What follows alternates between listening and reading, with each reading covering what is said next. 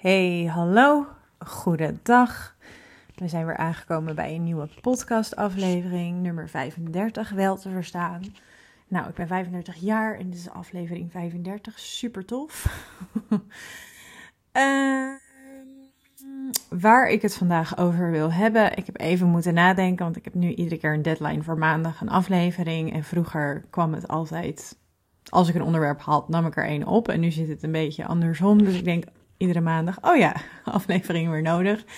Niet dat ik niet voldoende materie heb, maar um, ja, zeker als ik zo vlak tegen de deadline zit, dan is het even, oké, waar zou ik het in hemelsnaam over hebben?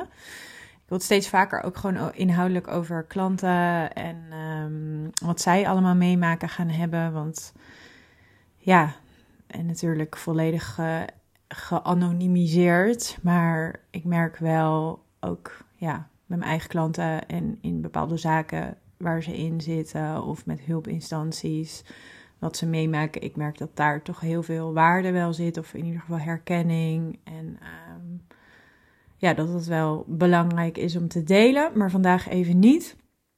Ik uh, kwam net op het onderwerp omdat ik zelf even sorry tegen een vriendinnetje heb gezegd gisteren.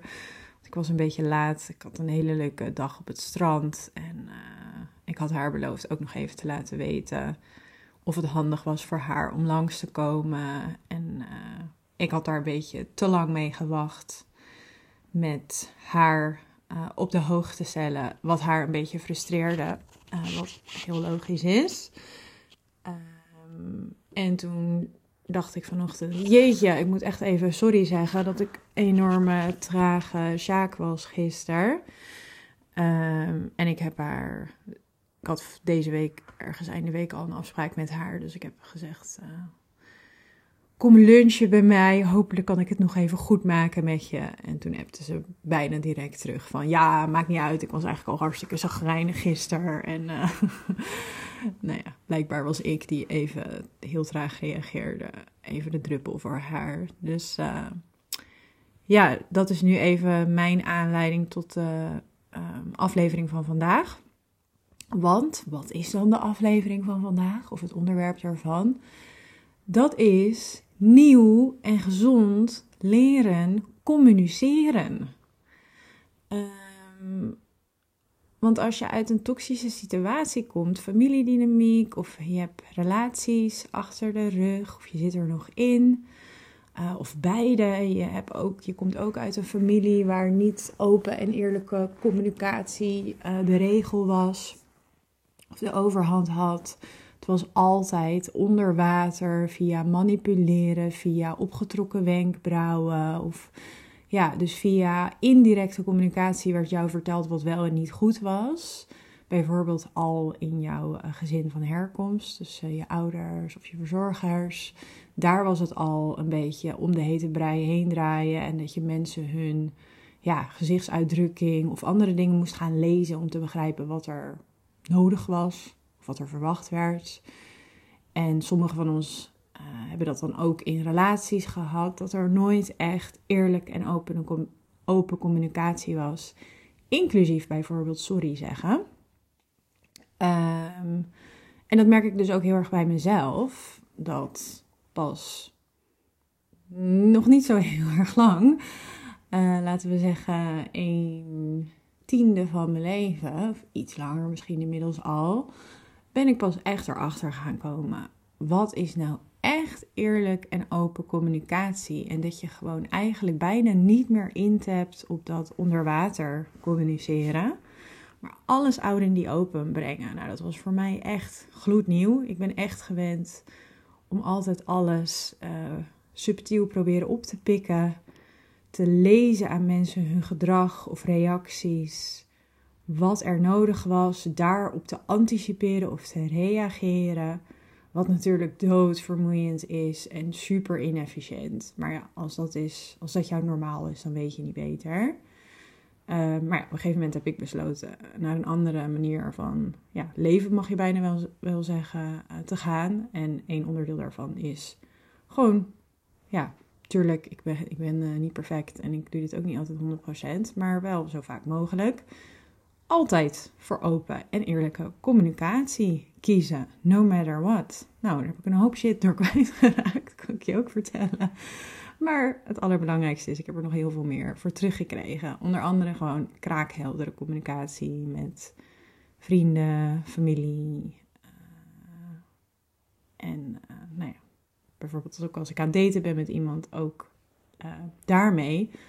wat natuurlijk niet iedereen kan of wil handelen, maar de mensen die het wel kunnen en waarbij het ook hun voertaal is, nou, daar is het zo chill en makkelijk mee. En nou, het kost je echt 10% van de moeite om met dat soort mensen, wanneer je dus zelf voor 100% open en eerlijke communicatie kiest of probeert te kiezen of altijd naar streeft.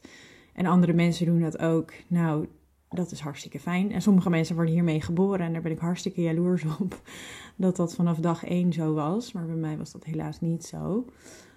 Um, dus het is een, uh, een flinke opluchting, een verheldering dat dat allemaal gewoon kan. Maar wel een flinke switch. Want ja, uh, stel je wordt geboren in China of in Rusland en je hebt een bepaalde taal. En je gaat naar Nederland en uh, ze spreken een andere taal. Dat is echt even aanpassen. Los van de letterlijke woorden is het ook de, de manieren natuurlijk. Je, ja, je bent niet eens je taal alleen aan het aanpassen. Je bent je hele manier van doen en zijn aan het aanpassen. Alleen één praktisch voorbeeld al is dat lezen van een ander, het lezen van de zaal of het lezen van de emotionele staat van een ander persoon. Dat is dat betekent dat je continu mega focus naar buiten hebt. Dus niet in je interne wereld, maar naar de ander. Dus dat is een, ja, om niet al te neurologisch te willen worden of te specifiek, maar andere delen van jouw hersenen zijn ontwikkeld daardoor. Dus ik noem het ook wel eens de spotlight op een ander. En daarmee ook inherent niet de spotlight op jezelf. Dus een van die dingen, van altijd de kamer moeten lezen of de andere persoon moeten lezen, is dat jouw spier super getraind is naar de overkant. Dus jij kijkt naar mensen, hun gezichtsuitdrukking, hun houding. Uh, de manier waarop ze dingen zeggen. Je bent enorm aan het lezen. Kost bakken met energie ook. Maar het is ook gewoon getraind die kant op. En het is dus niet getraind naar jouw innerlijke wereld. Weet je, dus je bent ook vaak minder in tune met jouw gevoel, want je bent zo druk bezig met die andermans zijn gevoel. Je kan maar focussen op één ding. Dus je eigen gevoel of je eigen wensen is meestal uh, het onderspit, delft het onderspit wanneer je dus altijd de kamer of de andere persoon moet lezen.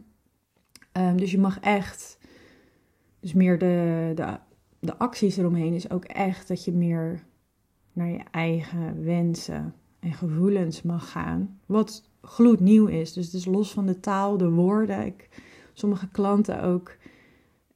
Ja, dan, dan gaan we de focus van extern naar intern verleggen. Of we gaan grenzen aangeven. Maar dan weten ze niet eens welke woorden ze moeten gebruiken. Dus ze hebben besloten dat ze iets niet willen of dat ze ergens uh, graag juist wel naartoe willen, maar dan hebben ze ook niet eens de woorden om het te delen. Dus dat is grappig. Het is en de woorden, maar ook de focus op je, jezelf leggen. Dus een van mijn huiswerkopdrachten in Los met Lot is ook jargon bij nee of jargon bij ik wil. Dat je echt zinnen voor jezelf gaat bedenken met nee, dat past niet in mijn agenda. Of nee, dat gaat niet gebeuren. Of nee, daar heb ik geen behoefte aan.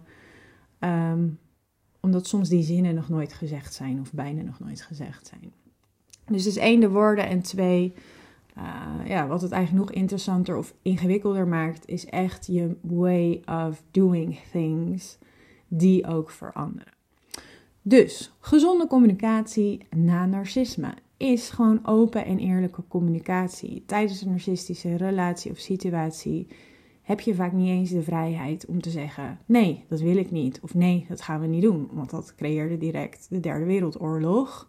Dus heb je het via andere wegen gedaan. Als je iets echt niet kon, dan ging je 50 keer de sorry-knop aantikken. Of sorry, ik kan het echt niet. Ik had heel graag gewild. En oh, je bent zo belangrijk voor me. Maar ik heb de vorige drie keer al gedaan. En dan ging je dat doen.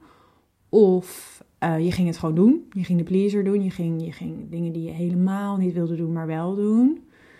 Um, dus dat is één. Je zegt gewoon nee, gaan we niet doen. Um, en gezonde mensen respecteren dat uh, natuurlijk. Ehm, nou, wat is nog meer gezonde communicatie? Fouten mogen maken en vervolgens sorry zeggen. Ehm, sorry zeggen is ook erg moeilijk in een narcistische dynamiek. Want iemand met narcisme die heeft geen whole-object relations.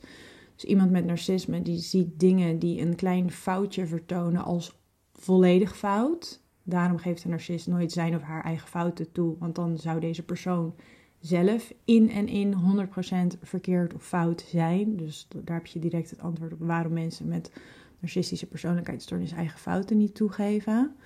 Maar jij, stel jij maakt een fout en iedereen maakt fouten, spoiler alert, iedereen maakt wel eens een fout. Dus als jij um, met iemand flink in contact bent, uh, of in contact bent met iemand met narcistische persoonlijkheidsstoornis en jij bent degene die sorry zegt, um, ja, daar word je niet per se voor beloond. Dus gisteren, ik met dat vriendinnetje wel, omdat wij gelukkig gezonde communicatie hebben en zij mag een fout maken, ik mag een fout maken en uh, we vinden het wel erg fijn als de ander, als de een erachter komt dat er een fout gemaakt is, dat er dan sorry wordt gezegd. Dat is onze modus, gelukkig. Uh, maar bij iemand bij narcistische persoonlijkheidsstoornis, als jij daar gewoon dat gedrag zou laten zien van hé, hey, sorry, ik heb een fout gemaakt. Dat, dat is niet in je eigen voordeel. Ik denk dat je zelf weet waarom, maar ik ga het toch even zeggen. Dat is niet in je eigen voordeel. Want dan gaat iemand zeggen: Ja, kijk, zie je wel, je bent slecht. Want dat is hoe iemand zonder whole object relations denkt. Kijk, kijk, zie je, je hebt een fout, je hebt een fout. Tweede is, als je een fout toegeeft of sorry zegt, gaat het lange termijn tegen je gebruikt worden. Weet je nog die ene keer, die ene keer, dan gebruik ik even het voorbeeld van gisteren, die ene keer dat je had gezegd of ik naar het strand mocht komen en je hebt me toen drie uur of twee uur niet geappt. Um, dat wordt tegen je gebruikt. Dus het is niet in je voordeel. En daarom sterft dit gedrag ook gewoon af, gezonde communicatie, tijdens een narcistische relatie of situatie. Um, sorry zeggen, gezond sorry zeggen, sterft gewoon af. Um, dus dat, dus nee zeggen, je grenzen aangeven, dat lukt het niet, kan niet of wordt in ieder geval niet beloond tijdens een narcistische situatie. Uh, sorry zeggen, niet. Ehm, even nadenken, wat nog meer? Misschien kan je er zelf nog eentje bedenken. Wat is gezonde communicatie en wat werkt niet tijdens narcisme? Of wat heb je zelf mogen leren of ben je nu aan het leren? Ehm, nu je los bent van narcisme en gezondere ehm, partner of vriendschappen of werkomgeving of mensen die uh, misschien niet je bloedfamilie zijn, maar die die je hebt toegevoegd aan je, aan je vriendenfamilie. Ehm, waarbij je dus nu merkt, oh, dit, dit, dit kan of dit is gezond om te doen, maar misschien ik heb er zelf wel moeite mee of ik weet niet helemaal hoe het hoort of hoe het moet. Um, nou, ik had ook heel veel moeite met ja, wat ik wil. Dus um, ik merkte het zelfs bij de kapper. Ik, uh, de kapper vraagt natuurlijk altijd: waar zit je scheiding? Of waar wil je je scheiding? ja, dit is echt het domste voorbeeld ever, maar zo uh, illustratief. Um, toen ik nog heel erg in de ik mag geen mening hebben, toen zei ik altijd tegen de kapper, ja doe maar ergens. Want ik dacht, dat is aardig, want dan kan de kapper te kiezen. Dus het slaat helemaal nergens op. De kapper wil gewoon weten, die, die zou een service aan het verlenen, die wil gewoon weten, zit hij rechts, links of in het midden. Dus ik merk nu dat ik gewoon nu pas zeg, echt pas sinds kort, in het midden. En vroeger deed ik dat gewoon niet. En ook bij de tandarts. Dat is heel bijzonder, want dat, eh, tenminste bij de kapper, je komt er natuurlijk, weet ik veel, vier keer per jaar. Of bij de tandarts twee keer per jaar. Dus, dus ik vind het altijd een mooi eikmoment om te kijken hoe je daar zit en praat. Maar ook bij de tandarts. Um, tandarts zegt wel eens, geef maar even aan wanneer het pijn doet. Nou, je kon met een boor in mijn tanden gaan en ik kon uh, inwendig echt doodgaan en dat je nog net de tranen niet in mijn ogen zag. Maar ik zou nooit zeggen dat het pijn deed, want ik dacht, ja, die persoon doet zijn of haar werk en uh, nou ja, dat soort dingen. En ik merk nu ook pas sinds kort dat ik nu gewoon echt mijn hand opsteek als iets pijn doet. Had ik laatst bij de mondhygiëniste en dat ik zei, ja, dit doet gewoon pijn. En toen ging ze wat zachter aan de slag. Of ging ze, weet ik veel, pakte ze een ander dingetje waar, die wat minder pijnlijk was. En nou ja, klinkt misschien uh, voor, voor jou als je dit luistert, dan heb je waarschijnlijk uh, ook last van narcisme en dan herken je het wel. Maar ik kan me voorstellen als je nog nooit narcisme hebt meegemaakt, dat dit echt bizar is dat, dat mensen dit mogen gaan leren of dit mogen gaan realiseren. Maar ik realiseerde me het nu pas dat ik daar veel en veel. Uh, dat ik überhaupt weet wanneer het pijn doet, dat ik het durf te verwoorden. Um, en dat ik er nu zelfs ook op anticipeer dat mensen daar chill op reageren en uh, dat daardoor mijn leven beter wordt. Maar wanneer je uit narcisme komt, dan is dat gewoon zo uh, uit je systeem geslagen, letterlijk of figuurlijk, dat je. Um, ja, je geeft dat soort dingen niet aan. Bijvoorbeeld, hé, hey, uh, dit doet pijn of uh, wil je dit niet doen? Want één, het stopt niet. Twee, het wordt tegen je gebruikt. Dus het is gewoon niet voordelig. En wanneer je dus vanuit een zeer, uh, bijvoorbeeld een omgeving met superveel narcistische mensen gaat, of uit een dynamiek waar gewoon geen open communicatie de voertaalregel is.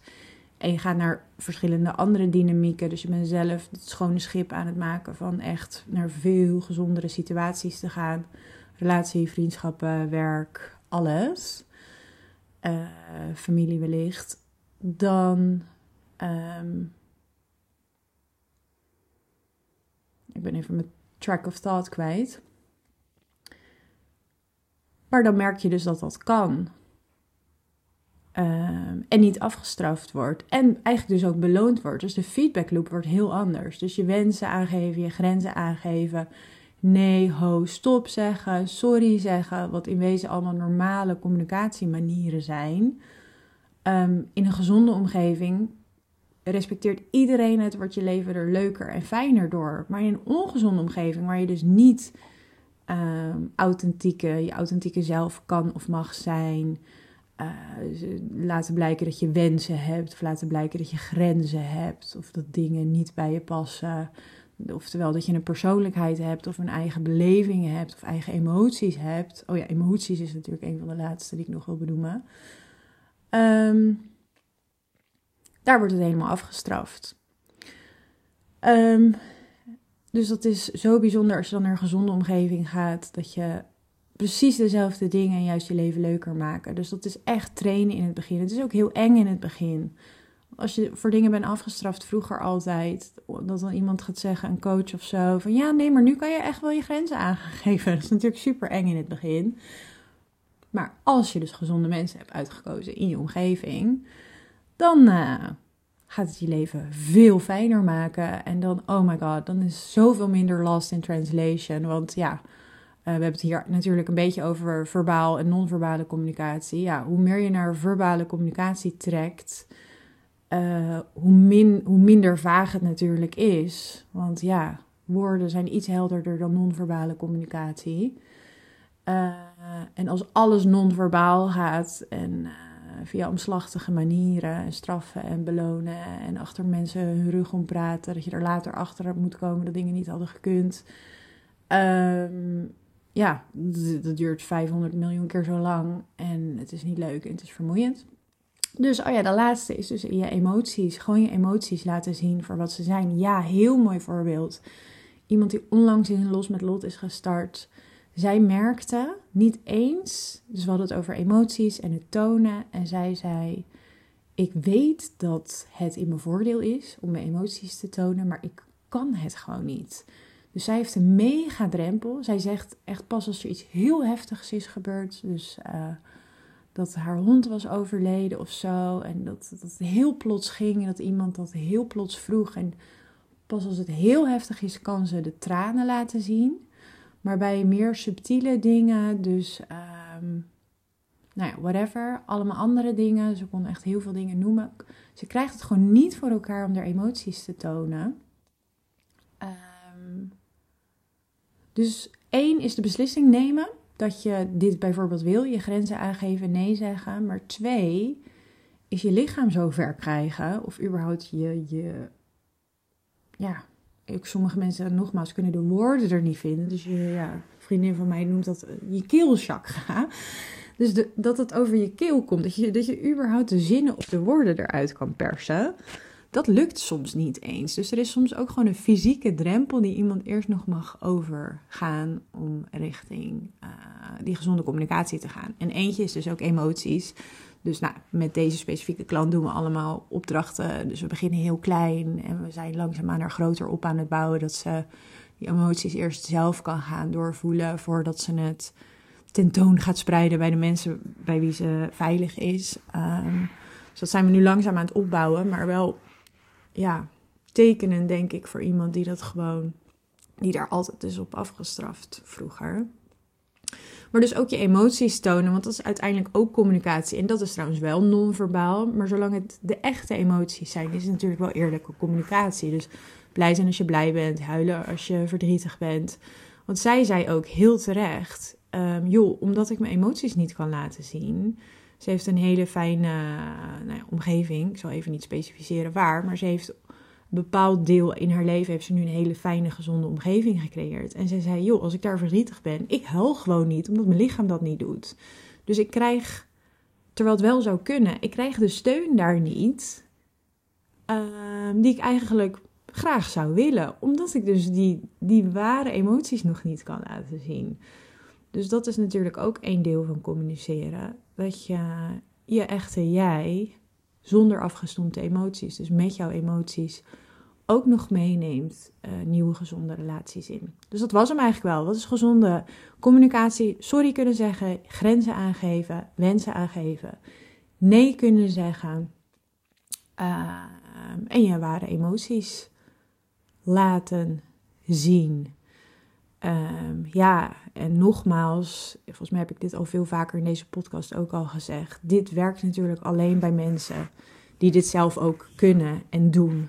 Weet je, je eigen grenzen aangeven. Dat is alleen maar oké bij mensen die ook hun eigen grenzen aangeven. Dus nee zeggen tegen iemand. Dat wordt geaccepteerd door iemand anders die ook zichzelf de vrijbrief geeft om nee te zeggen. Dus het is altijd even spannend de eerste keer dat je nee zegt tegen mensen. Uh, als je dat nog nooit hebt gedaan of bijna nooit. Maar het is zo'n verademing als je dat doet. En het is gewoon helemaal oké. En iemand zegt: Oké, volgende keer beter. Of ik nodig je de volgende keer wel weer uit. Of uh, whatever. Dus die schouderophaal reactie bij iemand anders. Ja, dat is eigenlijk het grootste cadeau wat je iemand kan geven.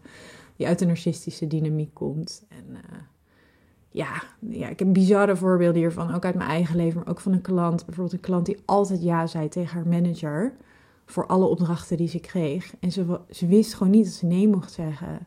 En nou ja, drie keer raden, maar haar agenda overspoelde natuurlijk, als je overal ja op zegt.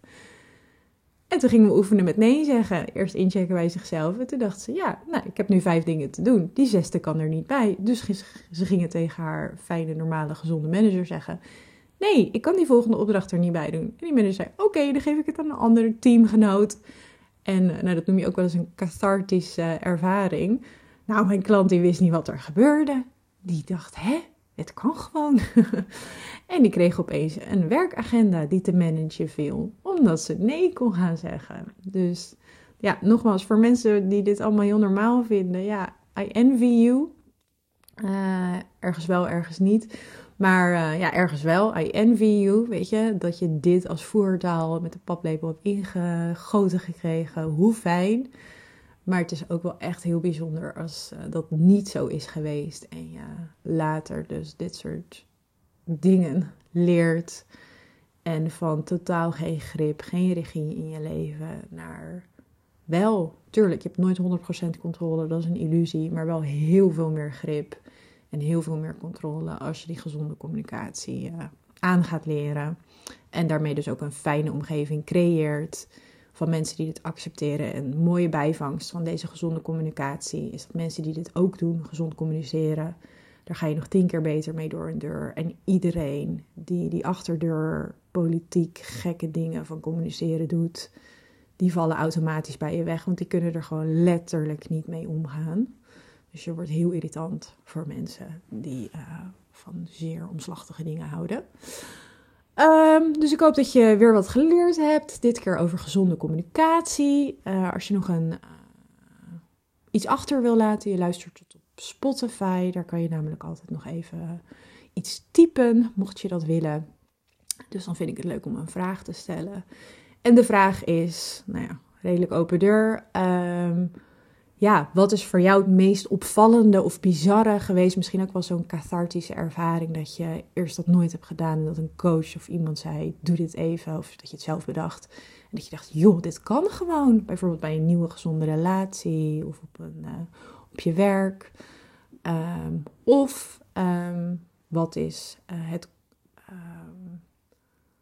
het communicatiegedeelte, waar, wat je het moeilijkst vindt of waar je ook misschien wel het meest naar uitkijkt als je dat goed zou kunnen. Bijvoorbeeld grenzen aange aangeven, wensen aangeven, nee zeggen, normaal sorry durven zeggen, kunnen zeggen. Waar kijk je het meest naar uit om dat te kunnen doen? Of uh, wat vind je het moeilijkst? Okido, ik wens je nog een fijne dag. Oh ja, en als je luistert vandaag, dus het moment dat die live is gegaan, geef ik vanavond 19.30 uur een gratis masterclass. En de dag erna, dinsdag om 1600 uur, een masterclass. De vijf geheimen om volledig te kunnen herstellen na een narcistische relatie. Dus ik ga je mega veel waarde geven en een mega boost op hoe dit te doen. Zodat als je al bezig bent, het veel sneller gaat. En als je dit nog in je, in je toekomstbeeld hebt staan, je wil loskomen, dan weet je gewoon hoe dit zo snel en efficiënt mogelijk te doen. Leuk als je erbij bent. Hij is gratis. Hij duurt pak een beetje 90 minuten. Dus see you there, maybe. Okido, fijne dag nog.